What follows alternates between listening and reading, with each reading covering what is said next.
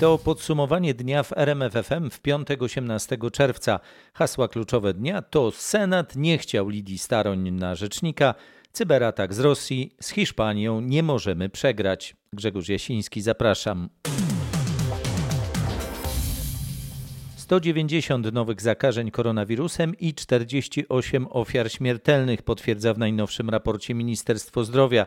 Nasz reporter Michał Dobrołowicz zebrał komentarze lekarzy do tych danych. Na szczęście, według lekarzy coraz lepsza jest też sytuacja na oddziałach covidowych. Tam znów jest niewielki, co prawda, spadek liczby zajętych łóżek i respiratorów. Doradca Naczelnej Izby Lekarskiej w sprawie COVID-19 dr Paweł Grzesiowski zwraca uwagę, że niestety coraz mniej osób zgłasza się ostatnio na szczepienia przeciw koronawirusowi. Chęć do szczepienia jest w tej chwili już mniejsza i musimy wszystko zrobić, żeby te osoby zachęcić. To muszą być działania medyczne i niestety też działania niemedyczne. Jak ustaliłem dziś w resorcie zdrowia, aktualny jest plan, aby za dwa tygodnie od lipca drugą dawkę szczepionki można było dostać w innym miejscu niż pierwszą. Szczegóły mamy poznać w przyszłym tygodniu.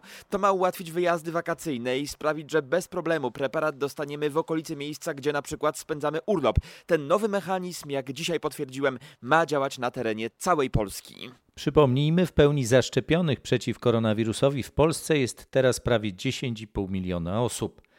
Delta, czyli indyjski wariant koronawirusa, jest obecnie na świecie dominujący z powodu swej wysokiej zakaźności, poinformowała na konferencji prasowej w Genewie główna specjalistka Światowej Organizacji Zdrowia Sumia Swaminata. We need more data again from well designed studies on the efficacy of the different vaccines that are in use in different countries against the different variants.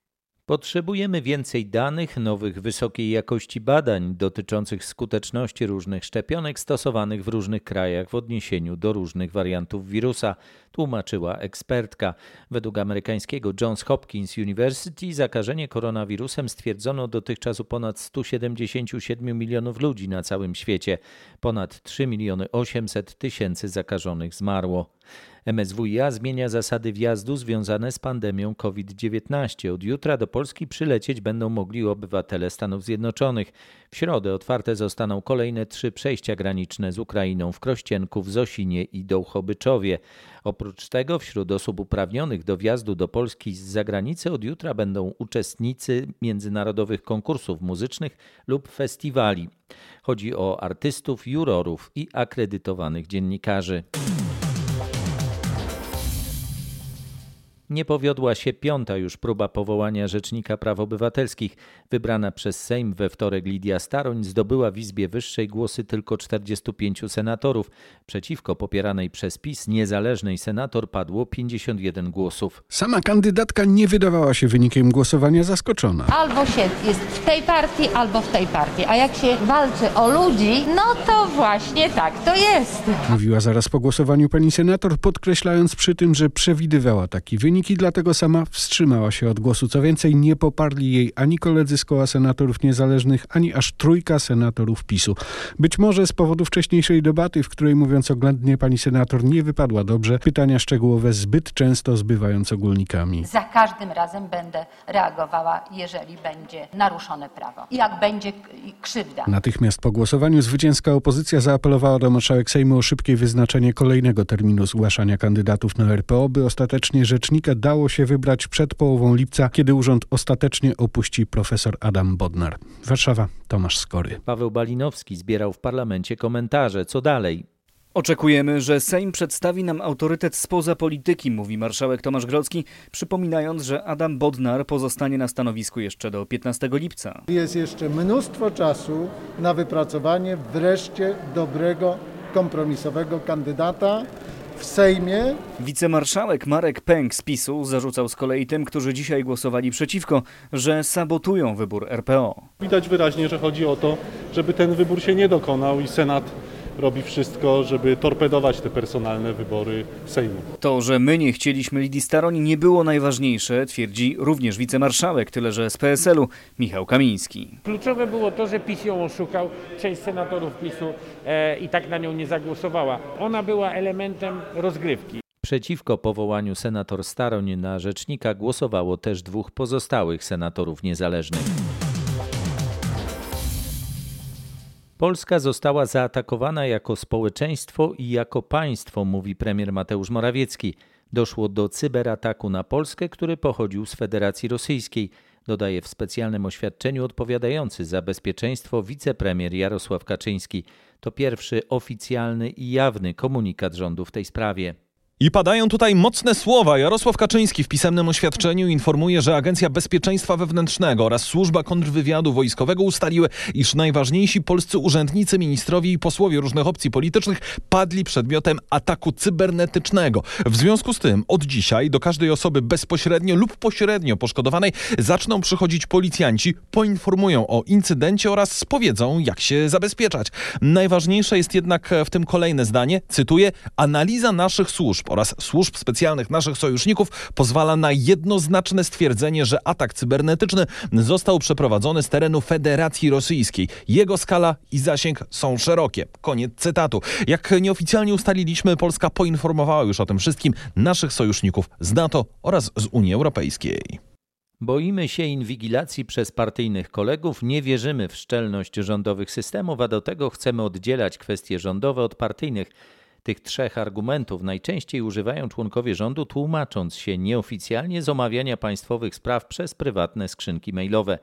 Oficjalne odpowiedzi są wymijające, a jakie są te nieoficjalne? Te nieoficjalne pokazują, że w rządzie mało kto sobie ufa. Pytaliśmy na przykład ekipę premiera Morawieckiego. Tam usłyszeliśmy, że oni na co dzień używają skrzynek prywatnych, a nie państwowych po to, żeby koledzy nie podglądali, co robią. No wiadomo, że drużyna premiera nie żyje za dobrze z ludźmi specsłużb Mariusza Kamińskiego. Wiadomo, że jest w stanie wojny z działaczami Zbigniewa Ziobra, więc po co ryzykować wzajemną inwigilację na państwowych skrzynkach? No kolejna kwestia to jest brak wiary w służby. W 2013 roku miał miejsce potężny i udany cyberatak na kancelarię kancelarię premiera. Od tego czasu mało kto w KPRM wierzy w bezpieczeństwo rządowej sieci, tak mówią urzędnicy. To wszystko prowadzi do tego, że rząd sprawy państwowe omawia mailami na prywatnych skrzynkach, bez zabezpieczania przez polskie służby, za to z dostępem dla służb rosyjskich, chińskich i amerykańskich. I do teraz nikomu to nie przeszkadzało, a skutkiem jest wyciek korespondencji premiera z jego ministrami. W swoim piśmie Jarosław Kaczyński pomija kwestię zachowania premiera i jego ministrów, którzy sprawili, że taki atak stał się możliwy. Czego tam konkretnie zabrakło? Po pierwsze informacje o tym, co rząd zrobi z faktem, że premier i jego ministrowie korzystają z prywatnych, słabo zabezpieczonych skrzynek do omawiania ważnych państwowych spraw. Zdaniem ekspertów od cyberbezpieczeństwa to jest co najmniej niefrasobliwość, a raczej skrajna nieodpowiedzialność, bo dzięki temu hakerzy mogli się włamać na skrzynkę Michała Dworczyka i wykraść korespondencję z premierem. O tym Jarosław Kaczyński w swoim oświadczeniu nie pisze. Nie pisze też, co zrobi, żeby to wszystko uporządkować. Nie pisze o tym, co zrobiły służby, żeby do takich sytuacji nie dopuszczać nie pisze wreszcie o tym, jak nauczyć najważniejsze osoby w państwie tego, by stosowały chociaż podstawowe zasady cyberbezpieczeństwa. Informuje Krzysztof Berenda. Nie wiem na ile jest to prawda, a na ile próba kreowania wielkiego wroga, niedźwiedzia. Tak gość popołudniowej rozmowy w RMFFM były szef CBA Paweł Wojtunik komentuje informacje, które oficjalnie podał dziś Jarosław Kaczyński że cyberatak na najważniejszych polskich polityków był prowadzony z terenu Federacji Rosyjskiej. Wciąż dla mnie to nie jest oczywiste, ponieważ e, słyszę również opinie innych specjalistów, e, którzy mówią, że równie dobrze to może być e, włamanie dokonane przez grupę dzieciaków albo włamanie dokonane przez, przez innych hakerów. Nie wiem na ile jest to mm, próba upolityczniania czy kreowania wroga. Gość Marcina Zaborskiego dopytuje, dlaczego po tym wszystkim szef kancelarii premiera ma wciąż certyfikat bezpieczeństwa, który daje mu dostęp do informacji niejawnych. I wreszcie chciałbym, żeby ktoś profesjonalnie powiedział, jaki jest zakres strat, bo proszę sobie wyobrazić, że te maile mają o wiele większą wartość niż informacje przekazywane przez najgłębiej zakonspirowanego szpiega, który działałby w KPRM-ie, bo tak naprawdę to jest y, bezpośrednia, bezwpływowa informacja, y, relacja między najwyższymi urzędnikami państwowymi podana na tacy, Były szef CBA przekonuje, że wymiana informacji między ministrami za pomocą prywatnych kont mailowych to głupota, nieodpowiedzialność i nieprzestrzeganie zasad. Całą rozmowę Marcina Zaborskiego z Pawłem Wojtunikiem mamy na rmf24.pl. Nasi eksperci są w kontakcie z polskimi władzami i wymieniają się informacjami, przekazało biuro prasowe NATO poproszone przez naszą dziennikarkę w Brukseli o komentarz do ataku cybernetycznego na Polskę. Wszelkie zewnętrzne próby ingerencji w systemy alianckie są niedopuszczalne, czytamy w oświadczeniu. Na moje pytanie, jak NATO może pomóc Polsce, Biuro Prasowe Sojuszu odpowiedziało, że NATO ściśle współpracuje z sojusznikami, aby pomóc w zapobieganiu i reagowaniu na zagrożenia cybernetyczne. Udostępnia informacje o zagrożeniach w czasie rzeczywistym za pośrednictwem odpowiedniej platformy wymiany informacji o złośliwym oprogramowaniu. Chodzi o Malware Information Sharing Platform, a także, jak mi przekazano, NATO pomaga sojusznikom wzmocnić ich obronę poprzez edukację, szkolenia i ćwiczenia. Biuro Prasowe Sojuszu w swoim oświadczeniu przypomniało także, że cyberzagrożenia są złożone, destrukcyjne i coraz częstsze i że na szczycie NATO w tym tygodniu szefowie państw NATO wyraźnie zaznaczyli, że sojusz bardzo poważnie traktuje te zagrożenia. Informuje Katarzyna Szymańska-Borginą. Komitet Protestacyjny Ratowników Medycznych rozważa zorganizowanie kilkunastu manifestacji przed urzędami wojewódzkimi oraz resortem zdrowia dowiedział się nasz reporter, dlaczego i kiedy ratownicy chcą protestować. Ich demonstracje są wstępnie zaplanowane na ostatni dzień czerwca, za to następnego dnia, od 1 lipca ratownicy mieliby masowo korzystać z dodatkowych dni wolnych. W ten sposób chcą pokazać, że są niezadowoleni z przyjętych w tym tygodniu przez Sejm zapisów w ustawie o minimalnych wynagrodzeniach w ochronie zdrowia. Zawiadomienie do Najwyższej Izby Kontroli w sprawie zagrożenia bezpieczeństwa państwa i świadczeń medycznych złożył Ogólnopolski Związek Zawodowy Pielęgniarek. Taka decyzja zapadła w czasie dzisiejszego nadzwyczajnego posiedzenia ich zarządu. Czego oczekują po złożeniu zawiadomienia? Kontroli NIK-ów w szpitalach, w których, jak przekonuje przewodnicząca Związku Pielęgniarek Krystyna Ptok, brakuje teraz zarówno personelu, jak i zachęt, które przyciągną tam nowych pracowników. W Nowym Ładzie premier zapowiada wzrost liczby udzielanych świadczeń, bony 40 plus. Ja pytam ciągle, czy imi rękami. Jak zapytałam, czy imi rękami, to nie uzyskałam odpowiedzi. Dlatego o odpowiedź pielęgniarki poproszą Najwyższą Izbę Kontroli. Równolegle zarówno położne, jak i właśnie pielęgniarki planują poprzeć planowany na przełom czerwca i lipca protest ratowników medycznych i same szykują kolejne akcje strajkowe w szpitalach. Jesienią, jeśli pozwoli na to sytuacja epidemiczna. Informuje nasz reporter Michał Dobrołowicz. Polsce ruszył sezon masowego podnoszenia wynagrodzeń. W maju w porównaniu z ubiegłym rokiem pensje wzrosły aż o 10,1%. Takie dane podał Główny Urząd Statystyczny. Z czego wynika ten wzrost pensji? Zadziałały tutaj dwa zjawiska. Po pierwsze, musimy pamiętać, że rok temu, w środku koronakryzysu, wiele firm obniżało pensje pracownikom. Teraz trwa przywracanie pensji do pierwotnego poziomu. Druga kwestia dotyczy sektora usług. Po ponad pół roku przerwy działalność wznowiły przecież siłownie. Gości wreszcie mogą przyjmować hotele i restauracje, a także kina. Firmy potrzebują do tego nowych pracowników, a tych pracowników brakuje, zwłaszcza w gastronomii. Nie ma zbyt wielu wolnych kucharzy, trzeba więc ich podkupywać konkurencji właśnie wyższymi pensjami, no i stąd taki średni wzrost wynagrodzeń. Warto też pamiętać, że generalnie po ciężkim roku, no i w obliczu wszechobecnej drożyzny, ludzie po prostu chcą zarabiać więcej, domagają się podwyżek, no i jak widzimy coraz częściej je dostają. Płaca minimalna w przyszłym roku może wzrosnąć jeszcze więcej niż zaproponował rząd, ustalili dziennikarze RMFFM.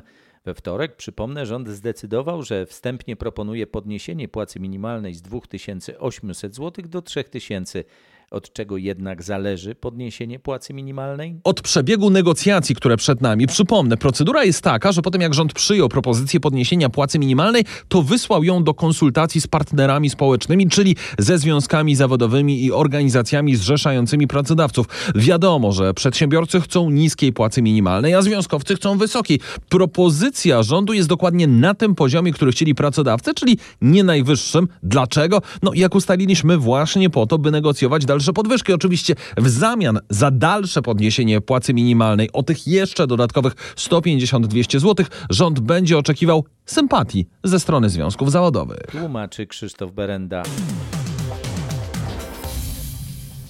Sąd pierwszej instancji w Brukseli zdecydował o środkach tymczasowych w sprawie Komisja Europejska kontra AstraZeneca. Przypomnijmy, komisja pozwała brytyjsko-szwedzką firmę w związku z jej niewywiązywaniem się z kontraktu na dostawy szczepionek. Sąd nakazał firmie AstraZeneca pilne dostarczenie do 27 września 50 milionów dawek szczepionki. Szczegóły tego wyroku zna nasza dziennikarka Katarzyna Szymańska-Borginą. Sąd zdecydował o bardzo ścisłym harmonogramie dostaw. AstraZeneca ma dostarczyć 15 milionów dawek do 26 lipca do godziny 9 rano, 20 milionów do 23 sierpnia i 15 milionów dawek do 27 września. W przypadku nieprzestrzegania tych terminów dostaw AstraZeneca będzie musiała zapłacić karę w wysokości 10 euro za każdą niedostarczoną dawkę, czyli milionowe kary. Przewodnicząca Komisji Europejskiej Ursula von der Leyen z zadowoleniem przyjęła tę decyzję. Jej zdaniem potwierdza ona stanowisko komisji, że AstraZeneca nie wypełniła zobowiązań kontraktowych. Jednak sąd nie spełnił wszystkich żądań komisji, która chciała, by AstraZeneca dostarczyła do końca tego miesiąca co najmniej 120 milionów dawek. Polsko-czeskie negocjacje w sprawie kopalni Turów jeszcze trochę potrwają, powiedział premier Mateusz Morawiecki. Dodał, że cały czas liczy na polubowne rozwiązanie sporu. Negocjacje prowadzone są od wczoraj w Pradze. Jeśli osiągnięte zostanie porozumienie, to Czesi wycofają z unijnego Trybunału skargę przeciwko Polsce w sprawie kopalni. Twierdzą oni, że rozbudowa kopalni zagraża m.in. dostępowi do wody w regionie Liberca. Wielka praca przed nami, wiele pytań jest jeszcze otwartych. Tak minister klimatu i środowiska Michał Kurtyka podsumował dwudniowe rozmowy z Czechami w Pradze na temat spornej kopalni w Turowie. Dwa dni trudnych negocjacji bez ostatecznego porozumienia, ale ze znalezieniem zrozumienia w wielu kwestiach, napisał na Twitterze. Polacy i Czesi mają wrócić do rozmów po weekendzie we wtorek. Polskie samorządy w sposób niewystarczający prowadzą działania, które mają wyeliminować smog. To wniosek z najnowszego raportu Polskiego Alarmu Smogowego. Na 20 ocenionych obszarów w aż 12 postęp, jak czytamy w publikacji, jest niedostateczny. Najwięcej uwag dotyczy przekazywania informacji od samorządów do mieszkańców, na przykład na temat możliwości wymiany kopciuchów, czyli starych pieców na nowe, przyznaje rzecznik alarmu smogowego Piotr Siergiej. W 14 województwach znamy daty krańcowe likwidacji kopciuchów. E, okazuje się, że tylko 13% respondentów w ogóle wie o tym, że takie regulacje istnieją. Jak możemy oczekiwać od Polaków, żeby wymienili kopciuchy i że oni będą je musieli wymienić, kiedy nikomu o tym się nie mówi? Tymczasem najszybciej, bo już do końca tego roku kopciuchy powinny zostać zlikwidowane na Śląsku. Autorzy raportu przyznają, że powietrze w Polsce w ostatnich miesiącach zrobiło się czystsze, lecz w większości miejscowości to przede wszystkim efekt pogody, a nie dodatkowych zewnętrznych działań. Wyliczał nasz reporter Michał Dobrołowicz. Skomplikowała się sytuacja polskich piłkarzy na Euro. W meczu naszych grupowych rywali Szwedzi pokonali 1 do 0 Słowację. To oznacza, że jeśli Polacy przegrają jutro z Hiszpanią, wypadną z turnieju. Szwedzi mają na koncie 4 punkty. Po ewentualnym zwycięstwie nad Polską Hiszpanie będą mieli również 4 punkty. Słowacja spadnie na trzecie miejsce z 3-punktowym dorobkiem. Wtedy, nawet jeśli pokonamy Szwedów w ostatnim meczu i zrównamy się punktowo ze Słowacją, to i tak pod uwagę będzie brany bezpośredni mecz z tym rywalem. A to oznacza, że znajdziemy się na czwartym miejscu w grupie i pożegnamy się z Euro 2020. Jutro w Sewilli nie możemy więc przegrać. Na miejscu w stolicy Andaluzji jest nasz specjalny wysłannik Wojciech Marczyk z redakcji sportowej RMFFM. Czy w centrum miasta widać polskich kibiców? Jak na razie niewielu. Spora grupa dotrze tutaj na pewno jutro. Ja jestem teraz na Placu Hiszpańskim, który jest jedną z głównych atrakcji miasta i spotkałem pana Huberta z Łodzi, który ubrany w koszulkę w reprezentacji Polski czas przed meczem wykorzystuje na zwiedzanie. Zwiedzałem katedrę, e, te ogrody królewskie. Przewidywania, jaki wynik na sobotę? No mnie by takie 1-1 ucieszyło. No, chciałbym bramkę, no, chciałbym przeżyć chwilę radości z bramki Polaków. Wszyscy byśmy chcieli. A co o szansach biało-czerwonych sądzą młodzi piłkarze z klasy sportowej ze szkoły podstawowej nr 16 w Lublinie? Muszą zremisować, wygrać ze Szwecją, to mają awans wtedy. Ja myślę, że nie, że przegramy i pojedziemy do domu. Brak wiary zupełnie w możliwości Ja polskiej. wierzę. Ja też wierzę, ale wiem, że Hiszpania jest bardzo dobrym drużyną. Jak się przyłożą, to wygrają albo zremisują. Ja też sądzę, że w najlepszym wypadku zremisują. Z młodymi piłkarzami rozmawiał Krzysztof Kot. To niezwykle podstępne nowotwory, które w Polsce wciąż są wykrywane bardzo późno. Mowa o nowotworach neuroendokrynnych. Już 27 czerwca odbędzie się specjalny festiwal charytatywny w krakowskim klubie Studio, którego celem ma być poszerzanie wiedzy o tych nowotworach. Wystąpią m.in. Grzegorz Turnał czy kabaret Hrabi. Nowotwory neuroendokrynne są to nowotwory, które rozwijają się bardzo wolno. mogą się rozwijać w każdej części naszego organizmu. Najczęściej są one zlokalizowane w przewodzie pokarmowym, bo aż 70% jest zlokalizowanych w przewodzie pokarmowym. Świadomość o tym, że mogą być takie nowotwory, żeby ta świadomość wzrosła u lekarzy, u lekarzy, którzy mają najczęstszy kontakt z takim pacjentem. Mówi profesor Alicja Hubalewska-Dydejczyk, kierownik Katedry Endokrynologii Szpitala Uniwersyteckiego w Krakowie. Takie nowotwory nie dają jednoznacznych objawów, a pacjenci do specjalisty trafiają często dopiero po kilku latach. Wiemy, że świadomość na temat nowotworów neuroendokrynnych jest stale niewystarczająca. To są nowotwory, które mogą w początkowej fazie choroby nie dawać żadnych charakterystycznych objawów, albo te objawy są na tyle niespecyficzne, że nie odróżnia się je od innych chorób, o których pomyśli się w pierwszej kolejności. Dodaje dr Anna Sowa-Sztaszczak, endokrynolog ze Szpitala Uniwersyteckiego w Krakowie. Praca od kulis przeciw mobbingowi i molestowaniu w teatrze i na uczelniach artystycznych to temat kampanii, którą rozpoczął dziś krakowski inspektorat pracy. Pierwsze szkolenia ruszyły dziś w Teatrze Bagatela w Krakowie. Trzeba jasno postawić granice przyzwoitości w pracy twórczej, mówi Anna Majerek z Państwowej Inspekcji Pracy. Inspiracją były do tego same doniesienia, po pierwsze wpływające do inspekcji pracy, po drugie na pewno do doniesienia, które można obserwować w samym środowisku artystycznym. Chcemy przeciwdziałać takim zachowaniom jak mobbing, jak dyskryminacja, jak molestowanie w tym środowisku artystycznym. Pracownicy, artyści nie mają świadomości swoich praw, nie umieją odróżnić takich pojęć jak mobbing, jak dyskryminacja. My możemy zadziałać prewencyjnie i chcemy wyznaczać e, bezpieczne granice pracy twórczej i pomagać artystom w kampanię włączyła się większość instytucji kulturalnych i artystycznych w Małopolsce. Szkolenia potrwają do końca roku. Weźmie w nich udział kilka tysięcy osób. W Poznaniu rozpoczyna się dziś 31. edycja Festiwalu Teatralnego Malta. W ubiegłym roku większość wydarzeń w jego ramach odbywała się w formule online.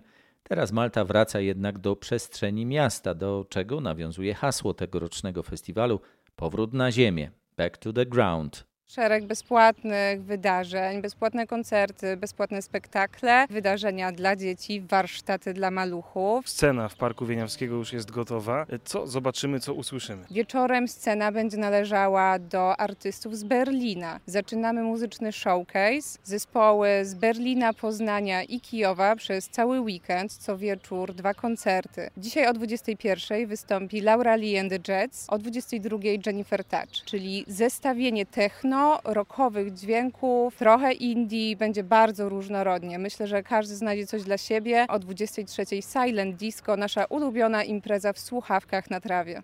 O pierwszym dniu tegorocznej Malty z rzeczniczką festiwalu Agnieszką Kopiewską rozmawiał nasz reporter Mateusz Chłystun. Kombinat to spektakl Teatru Muzycznego w Poznaniu, w którym wykorzystano utwory Grzegorza Ciechowskiego oraz zespołu Republika. Całość wyreżyserował Wojciech Kościelniak. To historia o walce jednostki z systemem, mówi. Te piosenki po prostu brzmią dzisiaj nad wyraz spójnie, ciekawie i mam wrażenie też i nośnie. Wolałbym, żeby ostateczny komunikat interpretacyjny powstawał u widza, a nie, że reżyser go wbije do głowy. Spektakl Kombinat jest dla widzów od 16 roku życia, premiera jutro. Do kin trafia film Sweat z wyśmienitą Magdaleną Koleśnik w roli trenerki fitness i gwiazdy mediów społecznościowych. Jak mówi aktorka, dzięki wcześniejszym zajęciom w szkole teatralnej czy w teatrze na temat pracy z ciałem była przygotowana do tego, żeby roczne przygotowanie fizyczne już z trenerem na sali, przebudowanie ciała y, zrobić i odegrać sceny, które były stricte y, fitnessowe i fizyczne. Natomiast też jest y, aspekt taki bardziej cielesny, czyli takiego dostępu do ciała i ja to narzędzie bardzo poważnie traktuję w, w mojej pracy zawodowej. Wiele dowiedziałam się też o świecie mediów społecznościowych, mówi nam Magdalena Koleśnik. Poznałam go jako narzędzie do jakichś pozytywnych rzeczy, tam jest szybki przepływ informacji, bardzo to jest dobre do tego narzędzie, czy znajdowania treści, które mnie e, interesują, ale też e, mając swoje konto i stając się bardziej rozpoznawalna, e, jakieś ciemne strony też poznałam. Hejtu, wiem, że też ma swoje ciemne strony i doświadczyłam tego osobiście. Cała rozmowa nie tylko o ciele, emocjach i internecie jest na rmf24.pl. Żar leje się z nieba. Osoby, które zażywają leki, powinny uważać wychodząc na słońce. Ponad 300 różnych lekarstw może powodować reakcję nadwrażliwości na światło. Badania dotyczące reakcji komórek skóry na działanie promieni słonecznych w czasie zażywania leków prowadzą naukowcy ze Śląskiego Uniwersytetu Medycznego. Uważać trzeba zażywając zarówno preparaty przepisywane przez lekarzy, jak i środki dostępne bez recepty. Do leków wykazujących właściwości fototoksyczne należą niektóre antybiotyki. Niebezpieczne może być też stosowanie niektórych niesteroidowych leków przeciwzapalnych. Liczba reakcji fototoksycznych ostatnio znacząco wzrasta. Reakcje fototoksyczne występują zwykle do kilku godzin po ekspozycji skóry na promieniowanie UV. Klinicznie objawiają się one w postaci oparzeń słonecznych, obrzęków, pęcherzy, zaczerwienienia oraz przebarwień. Wyjaśnia profesor Dorota Wrześniok, kierownik Katedry i Zakładu Chemii i Analizy Leków Śląskiego Uniwersytetu Medycznego. Według naukowców oprócz skóry na fototoksyczne działanie leków narażony jest też narząd wzroku. Informuje Anna Kropaczek. Już ponad 30 stopni Celsjusza pokazywały termometry w Krakowie. Upał daje się we znaki nie tylko ludziom, także zwierzętom. Dorożkom konnym zakazano wjazdu na rynek główny. Jak miasto przygotowało się na upalne dni? Na rynku głównym mają dzisiaj zostać włączone kurtyny wodne. Pierwszy raz w tym roku pozwolą na choć odrobinę orzeźwienia. Kurtyny działać będą codziennie od 9 do 19.